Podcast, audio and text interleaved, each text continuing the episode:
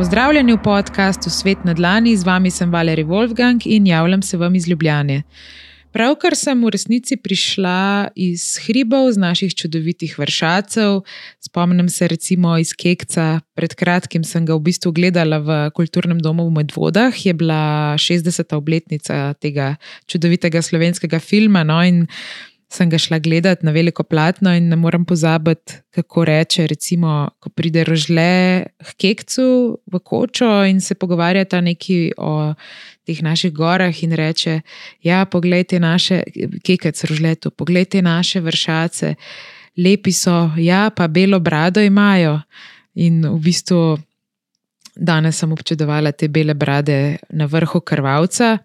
Aktivirala sem svoje turne smoči prvič letos, oziroma po dveh letih sem ugotovila, ker lansko leto sem celo preživela v Kaliforniji in sem v resnici zamudila najlepši del, najbolj zanimiv del Slovenije, bi lahko rekla.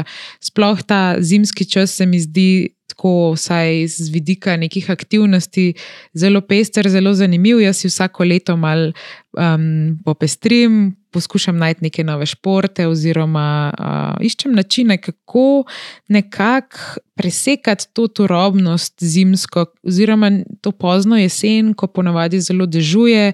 Ko je zjutraj tam, zvečer tam, ko v bistvu marsikdaj smo v službah, ravno takrat, ko je zunaj svetlo, potem smo pa v bistvu imamo prosti čas, samo takrat, ko je tema. In to kar precej vpliva na neko čustveno ravnovesje. Marsikdo okrog mene je v tem zimskem času precej, um, ja, lahko bi rekla, kar depresivne narave, tako da si želim, da najdemo načine, kako premagati te občutke, kako v bistvu se kljub nekemu mrazu imeti fajn in kako v bistvu uživati ta zimski čas, ki je tako pester, tako lep če si ga seveda tako naredimo. Tako da danes sem se v bistvu vrnila pravkar iz krvavca. Uh, s krvavca, ja, tako bo verjetno bolj pravilno. Skratka, bila sem na, prvič na turnem smutku, čisto navdušena. Včeraj smo s prijateljico šli na tek na smučeh, uh, včeraj je bil petek, ko danes to snemam, je sobota. K sreči so mi odpadli vsi službeni sestanki in obveznosti, in sva si privoščili uh, hiter pobeg v planico, kjer so zaštartali tekaške smočke in je bilo v bistvu kar zabavno in zanimivo. Jaz imam še vedno nek tak strah pred spuščanjem po klančinah in prvič sem bila zdaj v planici na teku na smočeh in mi je bilo v bistvu zelo zanimivo.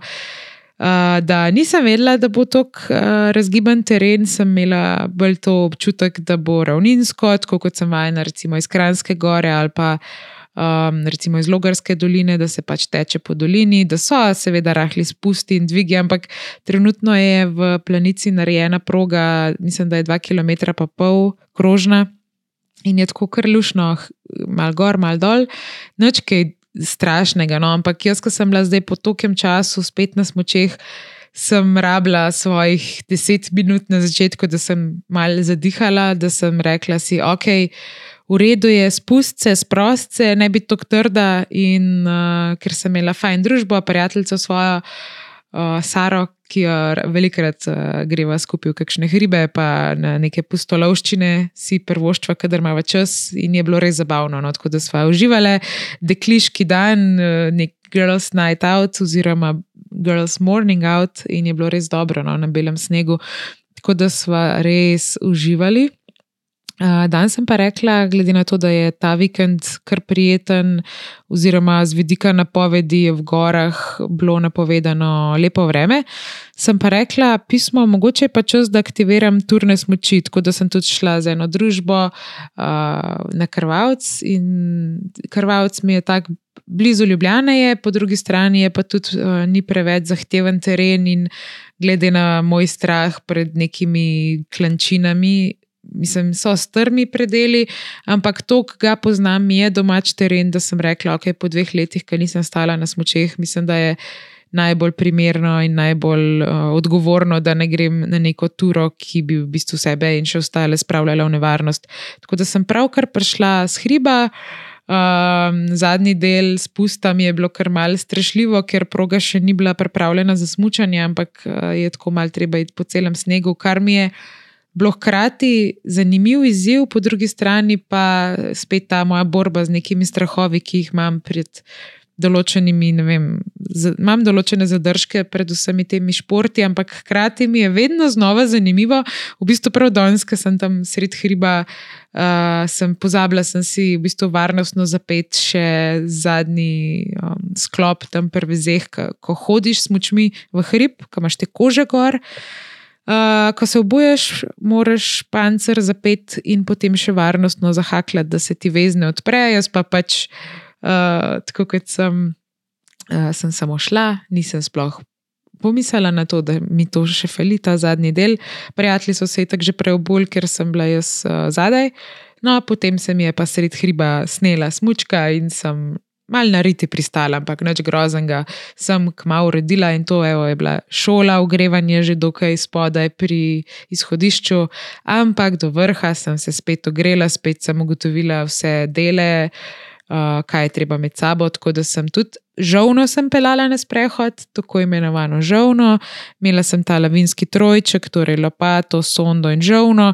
Zdaj za nekrvavec načeloma vidim, da veliko ljudi sploh ne jemlje teh zadev s sabo, ampak jaz sem rekla, kamorkoli bom šla na turno smuko, tudi če bom šla po nekih urejenih poteh, bom imela pač sabo ta.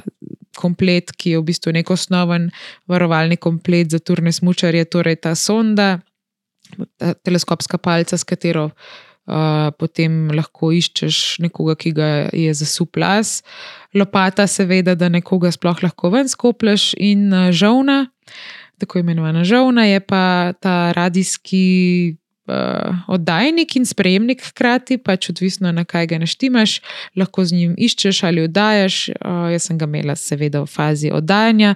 Vmes sem pa tudi malo preizkusila, tudi uh, če še vedno znam, kako se pač sploh.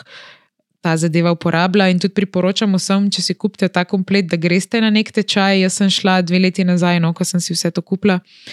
Sem šla kar na ene, dve, dva, oziroma tri tečaje, da sem res uh, osvojila to znanje, ker moram priznati, da samo en tečaj se mi ni zdel dovolj. Sem v bistvu vesela, da sem šla na več tečajev in hkrati tudi. Uh, mal potrenirala še z več ljudmi to zadevo, ker če pride do česa, bog ne da, ja ne, upam, da nikoli ne bo, bi mi bilo pa res žal, da bi imela pri sebi celo opremo in v bistvu ne bi niti vedela, kaj naj z njo počnem. Sicer v primeru, če te zasuje plas in imaš primerno zadevo prižgano, nimaš kaj veliko za delati, razen da upaš, da te čim prej najdejo in odkopljajo. Je pa odlično, če so okrog nas v naravi, v gorah, vedno ljudje, ki so pripravljeni, tako da zelo cenim vse, ki hodite v hribe odgovorno, ki imate primerno upremo, ne samo po zimi, tudi poleti, da imate dovolj tekočine, da mogoče celo nekomu pomagate, ki mu zmanjka tekočine, hrane, teh zadev, da imate vedno kakšno astrofolijo potem pa osnov, sploh ne vem, če omenjam, ampak za vsak slučaj, seveda, vedno poskrbimo za dobro obutev, za primerno kondicijo, seveda, da gremo na kraje, za katere nekako lahko ocenimo, da smo sposobni jih prehoditi. In najpomembnejše, kar me je v bistvu naučil nek starejši gospod, s katerim sem večkrat hodila v hribe pred parimi leti, no, me je vzel tako sabo na mal bolj zahtevne ture. En uh, upokojen gorski vodič, ki je vedel, da me to zanima, pa si ne upam na neke bolj teže dostopne točke. Pa me je položil sabo, kdaj no. In res mi je dal eno čudovito lekcijo, ki jo še zdaj tako sama sebi pogosto si rečem, če sem v hribih. In sicer mi je rekel, ko si na vrhu, si šele na pol poti. In takrat se mi je to zdelo tako neki, pač ok, v redu, super, hvala za informacije. Ampak v resnici je res pomembno, da ko pridemo na vrh, da nismo totalno izčrpani, da popijemo vso vodo, da pojemo vso hrano, da pač se tam na licu mesta omagamo, ker v resnici je ta sestop oziroma pot nazaj v dolino lahko še bolj zahtevna. Zdaj, recimo, danes na, teh, na tem turnem smutku, za tiste, mogoče, no, ki ne veste točno, kaj je turno smutanje, bom čisto preprosto poskušala opisati. Stvar je taka, vrednost, če hodite v hribe, ste že videli turne smutke, zadnja leta je to precej popularno, no, ampak zadeva je taka, da uh, imaš neke smočke, ki so dokaj podobne običajnim smočem, ki jih imamo za alpsko smočanje. No, ampak te smočke imajo od spodaj, um, spodaj imajo nalepljene take, tako imenovane kože. Te kože so pa ponavadno zadnje čase, vem, da so zelo popularne kože iz umetnih materijalov, umetna neka taka vlakna so, dlaka, kosmata, zato so kože. In te dlakice, da jim tako reči, so pač prilepljene z nekim lepilom na gumi in kot nek flajšter, obliž, da jim temu tako reči, čez celo smučo. In uh, te vezi, v katere upnemo čevlje, torej pancerje, so take, da v bistvu imamo peto odprto, smo pa s prednjim delom s klunom čevlja upeti. Hkrati pa tudi sam čevelj, pancer ima dve funkcije, ponavadi, no, da se ti odpneš lahko pri gležnju zadevo tako, da se premika, da je gibljivo, da je prijetno hoditi, da ni tako kot ta smočarski klasičen pancer, trdo, a ne, če ne bi v bistvu težko v neke hribe hodili s takimi pancerji. No, in zadeva je taka, da pač, ko gremo v hrib, nam te kože zaradi teh dlak nas držijo, dajo dober oprijem, in mi v bistvu gremo lahko res vertikalno v hrib, in ne, smučke ne drsijo nazaj. Ko pa prideš na, vrhu, na vrh hriba, in se odločiš, da se boš vrnil v dolino, pa vzameš dol te kože, se pravi, odlepiš kot obliž. Uh, Te kože jih lepo pospraviš v nahrbnik, seveda, primerno zaviješ, da se ne prilepi to zdaj kar na vse stvari.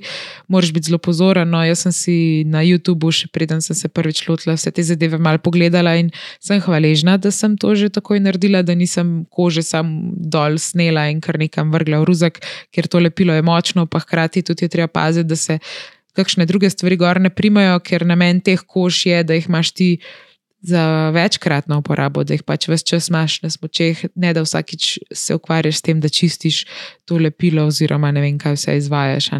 Zato je zelo pomembno, da znamo primerno dol dati kože, jih pospraviti na hrbnik, potem pa si zapnemo čevelj, torej to nagležno, da je trdo, da postane tak alpski pancer, eh, čevelj in vezi pa tako si upnemo kot prej, a ne, ko smo hodili v hrib gor, samo da zdaj zapnemo še zadaj in imamo pač trdno upeto smučo in lahko smučamo tako kot neko klasično alpsko smučanje.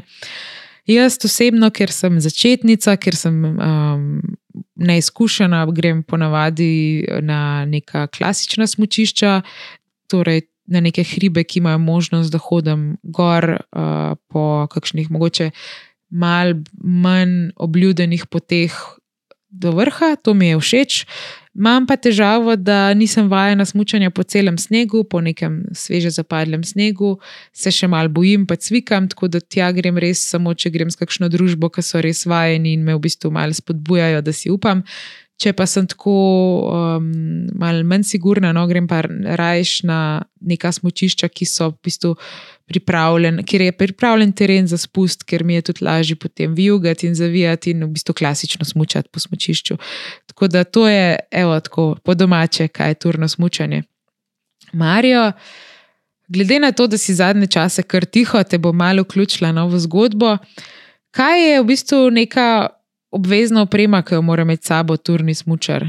Turni smočar mora obvezno imeti s seboj specifično opremo in pripomočke, ki zagotavljajo varnost in učinkovitost pri usponih in spustih v gorah.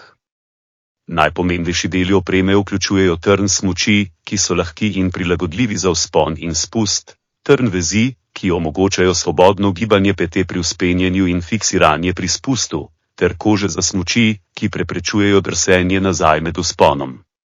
Poleg tega je pomembna tudi uporaba turnih čevljev, ki so prilagojeni za hojo in smučanje, ter lavinska oprema, ki vključuje lavinski oddajnik in sprejemnik, sondo in lopato.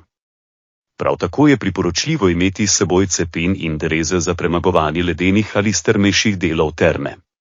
Turni smučari ne smejo pozabiti na zaščitno opremo kot so čelada, očala, primerna oblačila za zaščito pred mrazom in vetrom ter nahrbtnik z dodatno opremo, ki vključuje prvo pomoč, hrano, pijačo in navigacijske pripomočke, kot so zemljevid, kompas ali GPS naprava. Vedno je pomembno tudi, da imajo turni smučari znanje o varnosti v gorah, vključno z možnostjo ocenjevanja snežnih razmer in prepoznavanja potencijalnih nevarnosti, kot so plazovi. Hvala, Marijo. Ja, super si v bistvu povzel to, kar sem že razlagala in sem hotela v bistvu še nadaljevati. Zelo je pomembno, no, da tudi ne pozabimo danes, ko sem šla v garažo in uh, pakirala zadeve zjutraj na hitro. Sem prav razmišljala, kaj točno moram že vse vzeti s sabo, poleg smoči in uh, te lavinske opreme. In sem ja, potem na hitro zagrabila še čelado, očala, uh, dala sem si še cepino avto, potem ga nisem imela s sabo za nakrvalc, načeloma uh, sem ocenila, no, da ne bo potrebno. Ampak ja, običajno imam še cepin, pa dereze, ker so tudi nekateri predeli lahko preveč ledeni. In jaz osebno, sploh če smučam navzdol in imam strah pred nekim ledom, če ocenim, da ni varno, si v bistvu dam dol smučke in na te čevlje, pancerje. Uh, dam avtomatske dereze in v bistvu smuči preprem na hrbtnik in hodim. Kdaj tudi, kadar je podobna situacija za nagoro, uh, Um, podobno si pač s nami, imam pa tudi neke posebne, mislim, da se reče srnači. To so pa neki taki hakeljci, ki jih imaš v bistvu na smočeh. In kadar je res ledeno, sem bila že enkrat v tej situaciji. Mi te kože nikakor niso prijemale, se, mislim, zelo mi je drsel kljub kožam, in potem sem dala te srnače gor, to so pa še taki neki zobki, ki dodatno primajo iz kovine. So in ti zobki dodatno primajo zadevo, da lahko se pospnemo. Uh, pač tudi po bolj poledenelih in zamrznjenih strminah. Tako da, ja, Marijo, to si super povzel in mogoče ja, še zelo pomemben element, če smo že pri turni smuki, no, bi pa lahko rekla, da je tole. Kako se sploh obleči za turno smuko? Jaz sem kar dolgo rabila, v bistvu kar veliko nekih podvigov, da sem ugotovila, kaj sploh rabim, ker v osnovi, ko grem ponovadi na turno smuko, grem zgodaj zjutraj in zjutraj je v gorah res mrzlo. Ko, ko hodim gor, v bistvu na parkirišču, še ko se obuvaš pancarje in vse to, vso to opremo ven vlačeš iz prtlažnika, je vedno, vedno je mrzlo, vedno mi roke zmrzujejo. Telo čutim, kako pač eh, tam na minus pet ali kako koli že je, mogoče še minus deset, mi zmrzuje in se vedno čist preveč oblečem, ampak zdaj sem se naučila, vsaj, da ko se oblečem, da se oblečem v plasteh. Tako da potem tudi nekako cenim, takoj, ko začnem hoditi, da se že dam kakšno plast dol, ker dejstvo je, da pač med hojo, to, ta hoja s močmi, kljub temu, da zgleda mogoče lažje kot klasično hoja, je v resnici kar naporna za telo. In potem, ko hodimo v hrib, res zašvicamo, ne? tako da je treba potem postopoma si plasti doldeti. Lahko pa je tudi situacija, ko je zelo vetrovno, ko piha leden veter. To sem bila tudi enkrat nekje, ne spomnim se, morda celo v tujini. Ja, mislim, da ko smo šli v Italiji na nek 4000, takrat uh, je bilo res ledeno in pihali je res noro. Tako da sem si dala vse plasti gor in moraš imeti mogoče celo kakšno dodatno plast v nahrbtniku. Tako da pri turni smuki je zelo pomembno, da imamo dovolj velik nahrbtnik, da v njega lahko spravimo vso to upremo v resnici. Um, tako da, ja, oblačiti se v plasteh, to se učim vse čas, tudi pri teku, pri kolesarjenju, vseh teh športih. Je kar zanimivo, no, ko pride zima in potem se zamenja obdobje in je treba se pripraviti na vse te spremembe v življenju. Marijo, kako se recimo, kako svetuješ, da se obnašamo v gorah po zimi in na kaj moramo biti pozorni? Pri obnašanju v gorah po zimi je ključnega pomena previdnost in priprava. Vedno preverite vremensko napoved in razmere na poti, da se izognete presenečenjem, kot so snežni plazovi ali ekstremno nizke temperature. Nosite ustrezno zimsko opremo, ki vključuje topla oblačila, nepremočljivo obutev, kape, rokavice in zaščito za obraz. Pomembno je, da ste primerno oblečeni in da uporabljate več slojev oblačil, ki jih lahko po potrebi dodajate ali odstranjujete. Vedno imejte s seboj tudi osnovno opremo za preživetje, kot so žepni nož, užigalnik, svetilka in prva pomoč. Pomembno je tudi, da upoštevate svoje zmožnosti in ne precenjujete svojih sposobnosti. Načrtujte svojo pot in se držite označenih poti, saj je zlahka zgrešiti smer v snežnih razmerah. Vedno obvestite nekoga o vaših načrtih in predvidenem času vrnitve. V primeru slabega vremena ali poslabšanja razmer je bolje preložiti izlet ali se obrniti nazaj. V gorah po zimi je ključnega pomena tudi znanje uporabe zimske opreme, kot so cepin, dereze in lavinska oprema. Zato se pred odhodom v gore prepričajte, da znate pravilno uporabljati to opremo in jo tudi vedno nosite s seboj. Hvala, Marijo. V bistvu, um, ja, zelo mi je všeč, da si kot umetna inteligenca dejansko prepoznal pomembne stvari. Jaz tudi sama nisem gorski vodič in nisem noben profesionalec. Uh, v te namene vam res svetujem, da se obrnete na Planinsko zvezo Slovenije. Tudi uh, na splošno vam svetujem, da obiščete njihovo spletno stran pzs.si. Na njej boste našli vse vem, novice, aktualne dogodke, aktivnosti. In najpomembnejše je tudi to, kar je Marijo omenil, v bistvu, da začnete, preden se lotite česar koli, ali turne smuke, mogoče samo sprehoda v gore, pohodništva, smučanja, teka na smočeh, karkoli ima veze z obiskom gora, da si v prvi vrsti, seveda, dobro pogledate vreme um, aktualno vreme.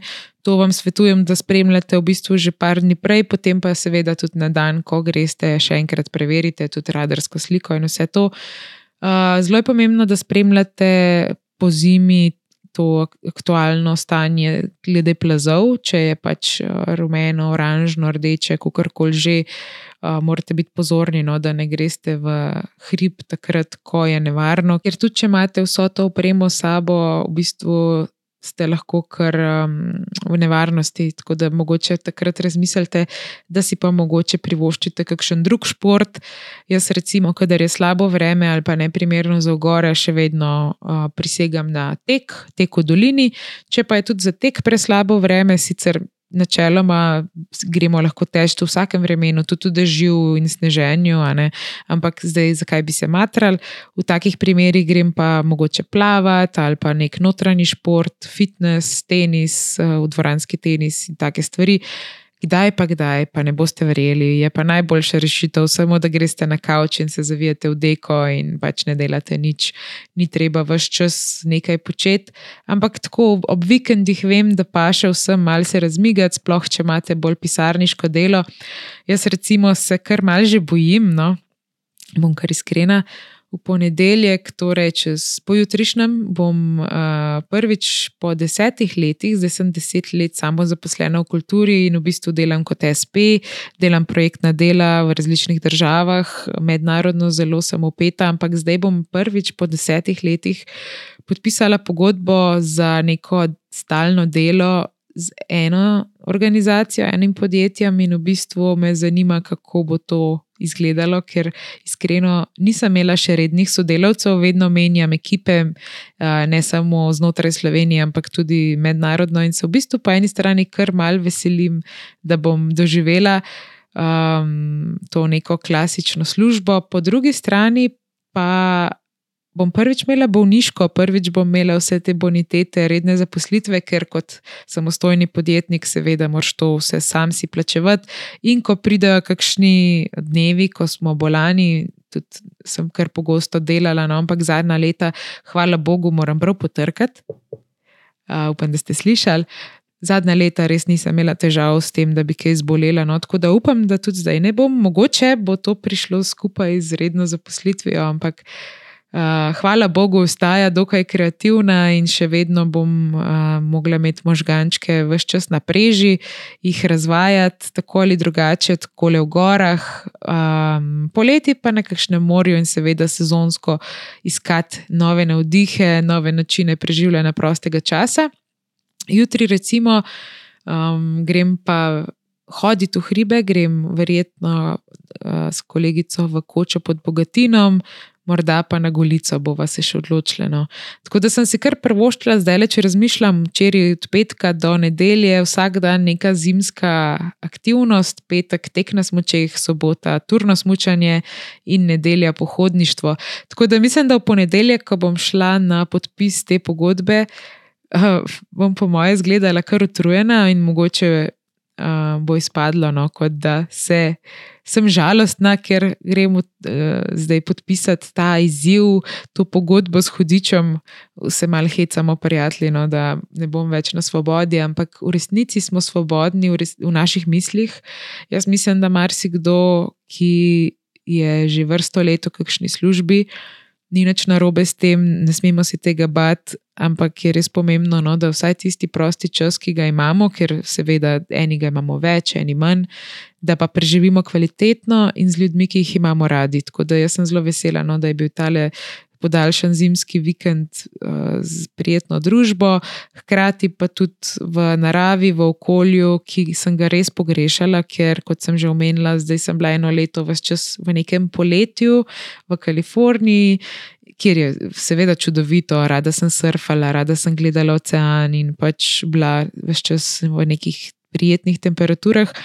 Ampak ravno včeraj no, sem ugotavljala, ko smo bili tam s kolegico v planici, ko sem gledala te naše vršace z belimi bradami, vse okrog nas, da sem iskreno kar mal pogrešala to, da se menjajo letni časi, da v bistvu obstaja še kaj več kot poletje.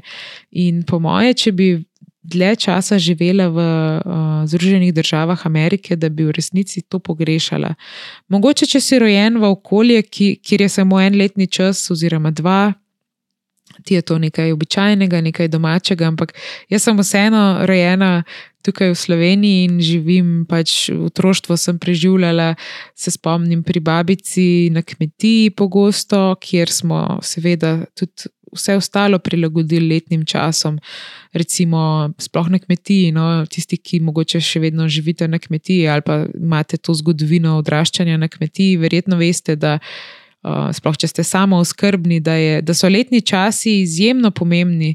Že spomladi in potem poleti je treba v bistvu zelo premišljeno delati z vsemi stvarmi, zato da, da lahko preživimo zimo, da imamo po zimi polne shrambe, da, se, da pripravimo zimnico, tudi telo se v bistvu spreminja, počasi začnemo zmanjševati aktivnost na polju, oziroma na splošno no, se pač telo umiri, bolj se damo v neke toplejše kotičke, treba je pripraviti drva za korjavo. Mislim, to so vse stvari, ki jih je res treba, ki je treba razmišljati za naprej. In to je nažalost marsikomu v današnji sodobni družbi življenja v nekih uh, betonskih naseljih. Uh, smo prikrajšani za te stvari, ampak jaz se tega še dobro spomnim. No, in tudi zdaj, kljub temu, da sama živim v stanovanju, ne v hiši, in nimam te, tega niti prostora za ozimnico in pripraviti te zadeve na tak način. Še vsem se mi zdi, da tudi sama vedno se nekako prilagodim telesno in mentalno na dejstvo, da bo prišla jesen, potem pa sledi zima. In najtežje mi je vsako leto preklopiti, se mi zdi, iz jeseni v zimo, zato ker jeseni se mi zdi, da se nekako navajam na to deževje, da je vse mokro, da se pač temperature spustijo, ampak potem ta klik, ko pa res pridejo nizke temperature in zima, se pa do konca borim, ampak potem, ko prvo neko tako zimsko aktivnost se lotim, potem mi pa kar nekako mentaliteta postane primerna zimskemu času in v bistvu sem spet polna energije in veselja. Tako da sem res vesela, da sem včeraj se aktivirala s tem tekom na smočeh. In uh, v bistvu imam že fully idej, no, kaj bi to zimo lahko še počela, kam bi šla marsikaj bi rada še sprobala, kar se tiče turne smuke, pa tudi pač pohodništva in teka na smočeh. In uh, tudi na drsanje sem pomislila, tako da se bom lotila kakšnega drsanja. Vem, da je v marsikaterem mestu na voljo, da so na voljo ponavadi po zimi javna drsališča, tako da se zelo veselim, da se vse odpre. Um, Pa mogoče še kakšne druge zanimive športe odkrijem čez zimo. Skratka, nič nas ne bo ustavilo, tudi let, sneženje in vse to bomo uspešno prebrodili. Upam, seveda, najtežji del, kar tako me skrbi, no pa tudi mislim, da je. Res najbolj neprijeten del zime so stroški ogrevanja, ker so res ekstremno visoki. Jaz sem letos uh, kar mal preklopila na elektriko in imam neke IR panele, pa Eh, klimo, klima me ogreva, ker ta naša centralno ogrevanje, ki ga imamo tukaj na obloku, je ekstremno drago in lansko leto sem samo brez besed bila v položnicah, zdaj pa sem rekla, bom poskusila. Z elektriko, če gre kaj ceneje. Vem pa, da se trenutno situacija glede elektrike je tako malce problematična, poskušajo malo podražiti tarife, in je kar burno no, na političnem področju, glede vsega tega. Tako da, ne vem, ta centralna Evropa, pa severna Evropa, kar, imamo kar en tak minus, no, ker pač naše države se vseeno shladijo, moramo ogrevati. Mislim pa, da tisti, ki živijo bolj na jugu in sploh tudi te moje prijatelje v Kaliforniji, sploh ne razumejo. Kaj, zakaj smo zdaj vsi tako malo neprijetno pod stresom, da je treba paziti na vsak cent in pač paziti tudi z ogrevanjem. Tisti, ki pač nismo bogati, ne, ker kdo ima ogromno denarja, verjetno niti ne pomisli na to, da je treba paziti ne samo na splošno na stroške, ampak tudi na to, da nismo v stanovanju oblečeni v kratke rokave, ampak da damo mogoče kakšno plast več čez in imamo malenkost nižje temperature, ker bi radi preprosto samo normalno preživeli čez zimo, brez da se damo v kakšne kredite in dolgove. Tako da upam, v bistvu želim si, da bi vsi čez to zimo prišli čim manj, kako bi rekla, v minusu zaradi vseh teh stroškov in da bi tudi uh, varno preživeli na cestah, varno na pločnikih, predvsem pa varno tudi tisti, ki boste šli v kakšne hribe, gore in poskušali najti odklop pač tudi v naravi čez zimo. Eno zadevo sem še hotela tukaj izpostaviti in sicer spomnim se, da ko sem bila še otrok, smo res velikokrat šli smučati z družino, ampak trenutno so cene smučarskih kart res ekstremno visoke. Sama sem tudi gledala par dni nazaj, da bi si kupila kakšno smučarsko karto in potem sem gledala neke kombinacije za družine, če pač imaš več otrok. Ne vem, iskreno ne vem, kdo si lahko to privošči, oziroma pač vse vem, da si lahko pač privoščimo te zadeve, ampak ne vem, na tak način, ko smo mi smučali, včasih pa nismo imeli ogromno denarja, vse sem iz kmetije, nisem zdaj iz uh, neke bogate rodbine. Pa v bistvu, če tako razmišljam, tok smučanja, ko smo si ga mi prvoščali, mislim, da si ne moramo zdaj več privoščiti. No. Razumem, da pač so stroški visoki, da so cene šle v nebo, ampak vseeno si želim in upam, da mogoče daljnoročno so te zadeve malo bolj subvencionirane strani države, ker vseeno smo hribovski narod, imamo te planine, imamo gore. Želela bi si, da vsi otroci imajo možnost se naučiti smučati.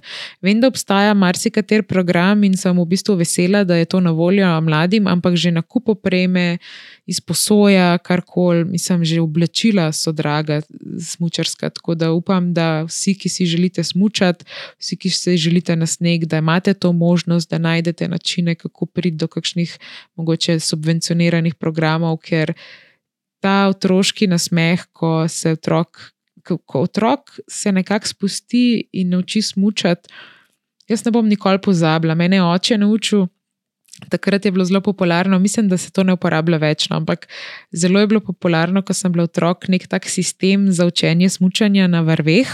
Tako da smo skupaj smučali, jaz sem bila spredaj, on oče zadaj in me je imel ne vem, nekako privezano z nekimi vrvmi. Mislim, da, so, da je imel tako kot vajeti za konja v rokah uh, in je imel levo, desno mojo nogo upeto noter. In potem, ko je rekel, da zavijem desno, mi je v bistvu malo potegnil desno nogo, da sem avtomatsko naredila tak premik in potem sva pač tako vadila.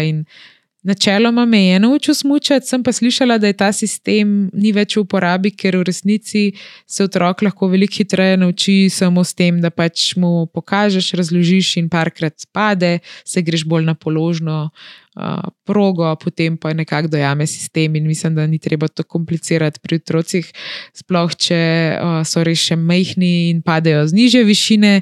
Sneg pa tudi ni nič hudoben in nič oster, in načeloma ni nekih poškodb pri teh uh, bolj počasnih hitrosti. Tako da ja, priporočam smutanje. Je pa lahko seveda nevarno, ne? Potem, če se lotimo nekih hitrosti, brzin, sploh pa kakšnih smučanj izven urejenih prog, To pa vsak, seveda, na lastno odgovornost. Ampak to, kar se tega tiče, smo pa itak na vseh področjih na istem.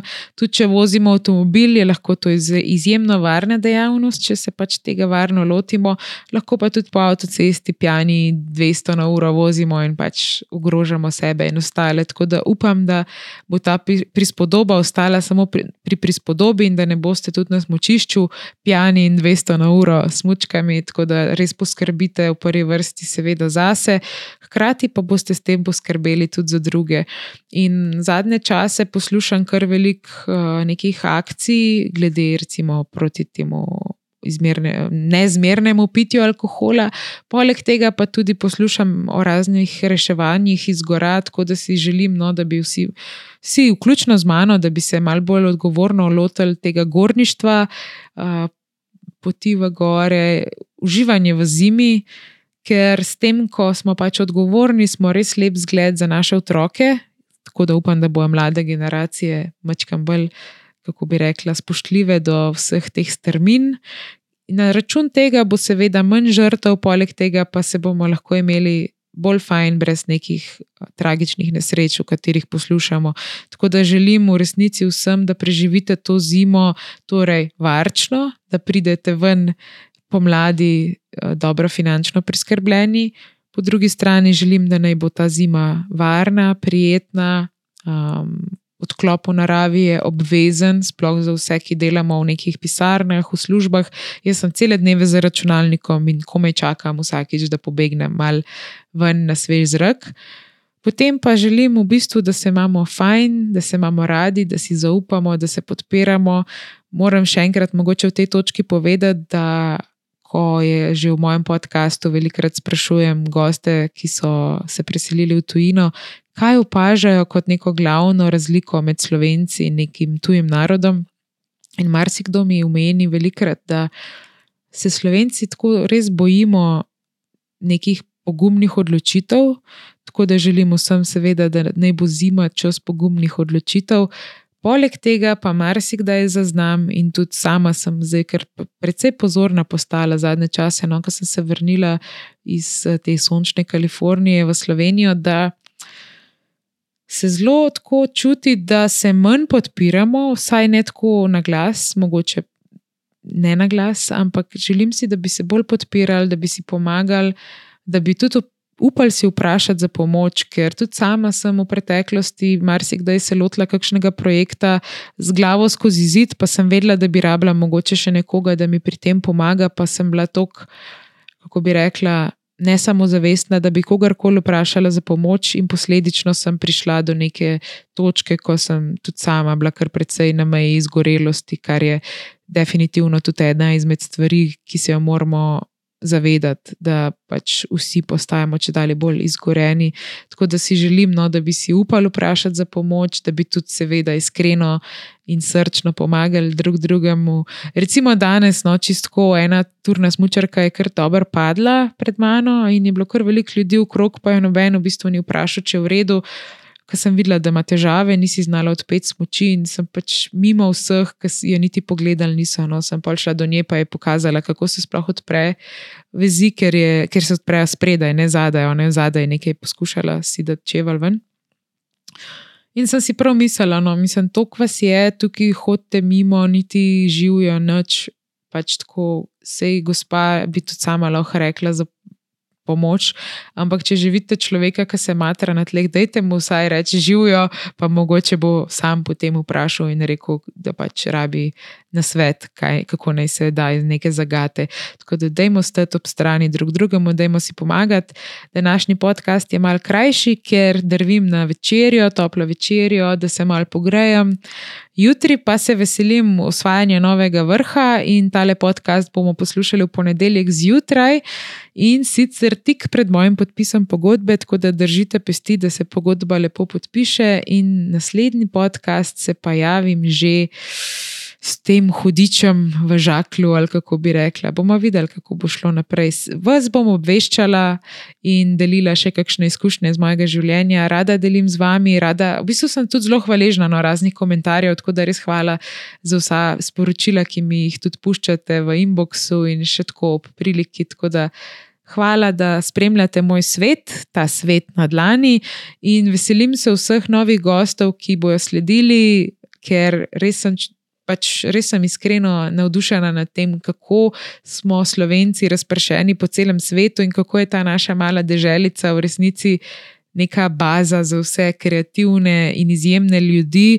Trenutno moram še to povedati, da imamo kar nekaj srečanj z različnimi ljudi, ljudmi, ki so prišli, seveda, zdaj malo zaradi praznikov v Slovenijo, pozdraviti svojo družino, ampak sem imela možnost spoznati marsikoga, no zdaj v decembru ki je recimo izjemen podjetnik, uspešen inovator, inovatorka, da ne bo pomote, a ne tudi uh, ženske in moški smo enako vredni, kar se tega tiče. Po celem svetu znanstvenice, znanstveniki in sem res navdušena marsikdaj, ko zvem, da smo iz neke, nekih malih vasi, malih vasic prišli v cel svet, tako da imamo dejansko cel svet na dlani in z veseljem vsem sporočam, da dajmo še naprej biti motivirani, da ustvarjamo zdrave rutine in to je tisto, kar bo nas pripeljalo do cilja. In uh, želim vsem v resnici prijeten decembr in najlepšo zimo. Se slišimo prihodnič? Veleri, dovoli, da povem še nekaj, preden se posloviva. Zimska sezona ponuja širok spekter športnih aktivnosti, vsaka s svojimi posebnostmi in zahtevami za pripravo. Smučanje, ena najbolj priljubljenih zimskih dejavnosti, zahteva ustrezno smučarsko opremo, vključno s smučmi, palicami, čevlji in čelado, ter osnovno znanje smučarskih tehnik. Deskanje na snegu prav tako potrebuje specifično opremo, kot so snowboard, vezi in čevlji, ter zahteva nekaj predhodnega učenja za varno izvajanje.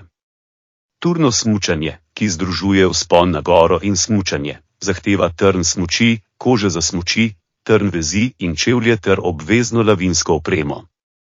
Drsanje, dostopno na številnih zunanjih in notranjih drsališčih, zahteva drsavke, ki ustrezajo nogi in osnovno znanje o vzdrževanju ravnotežja na ledu.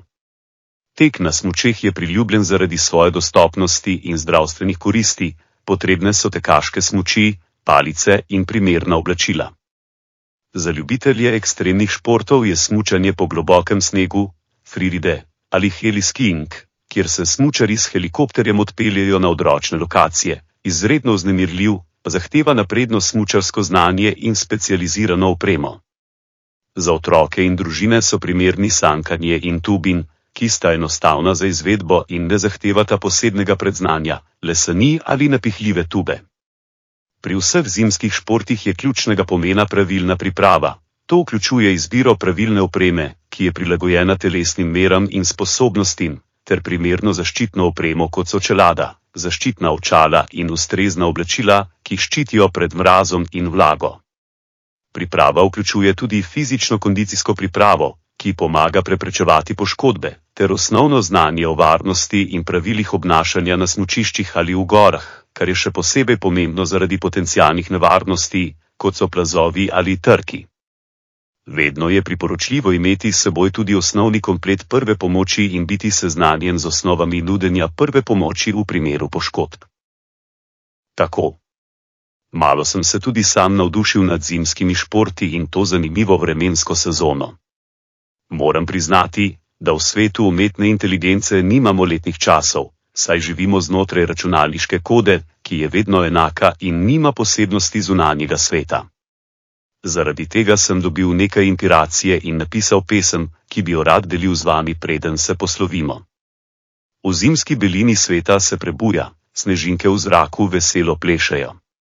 V daljavi hribi v belo se odenejo, zimski čar, ki srca vseh greje. Smuči na ramo, v belo se podamo, po strminah veter nam poje sankanje, drsanje, otroški smeh, na obrazih radost se sveti, o kako lepo je. V zasneženih gozdovih tečemo, po mehkih stezah, kjer tišina vlada. Tek na smučeh, korak za korakom, v zimskem miru duša se svobodi predaja. Pod zvezdnatim nebom nočna avantura, luči svetilk po snegu migetajo. V tihi noči vsak korak šepeta, v zimski dili mir nas objema. V zimskem času, ko narava počiva, mi v gibanju srečo najdemo. V mrazu, snegu, na soncu in vetru, življenje v polnosti zimsko pesem poje.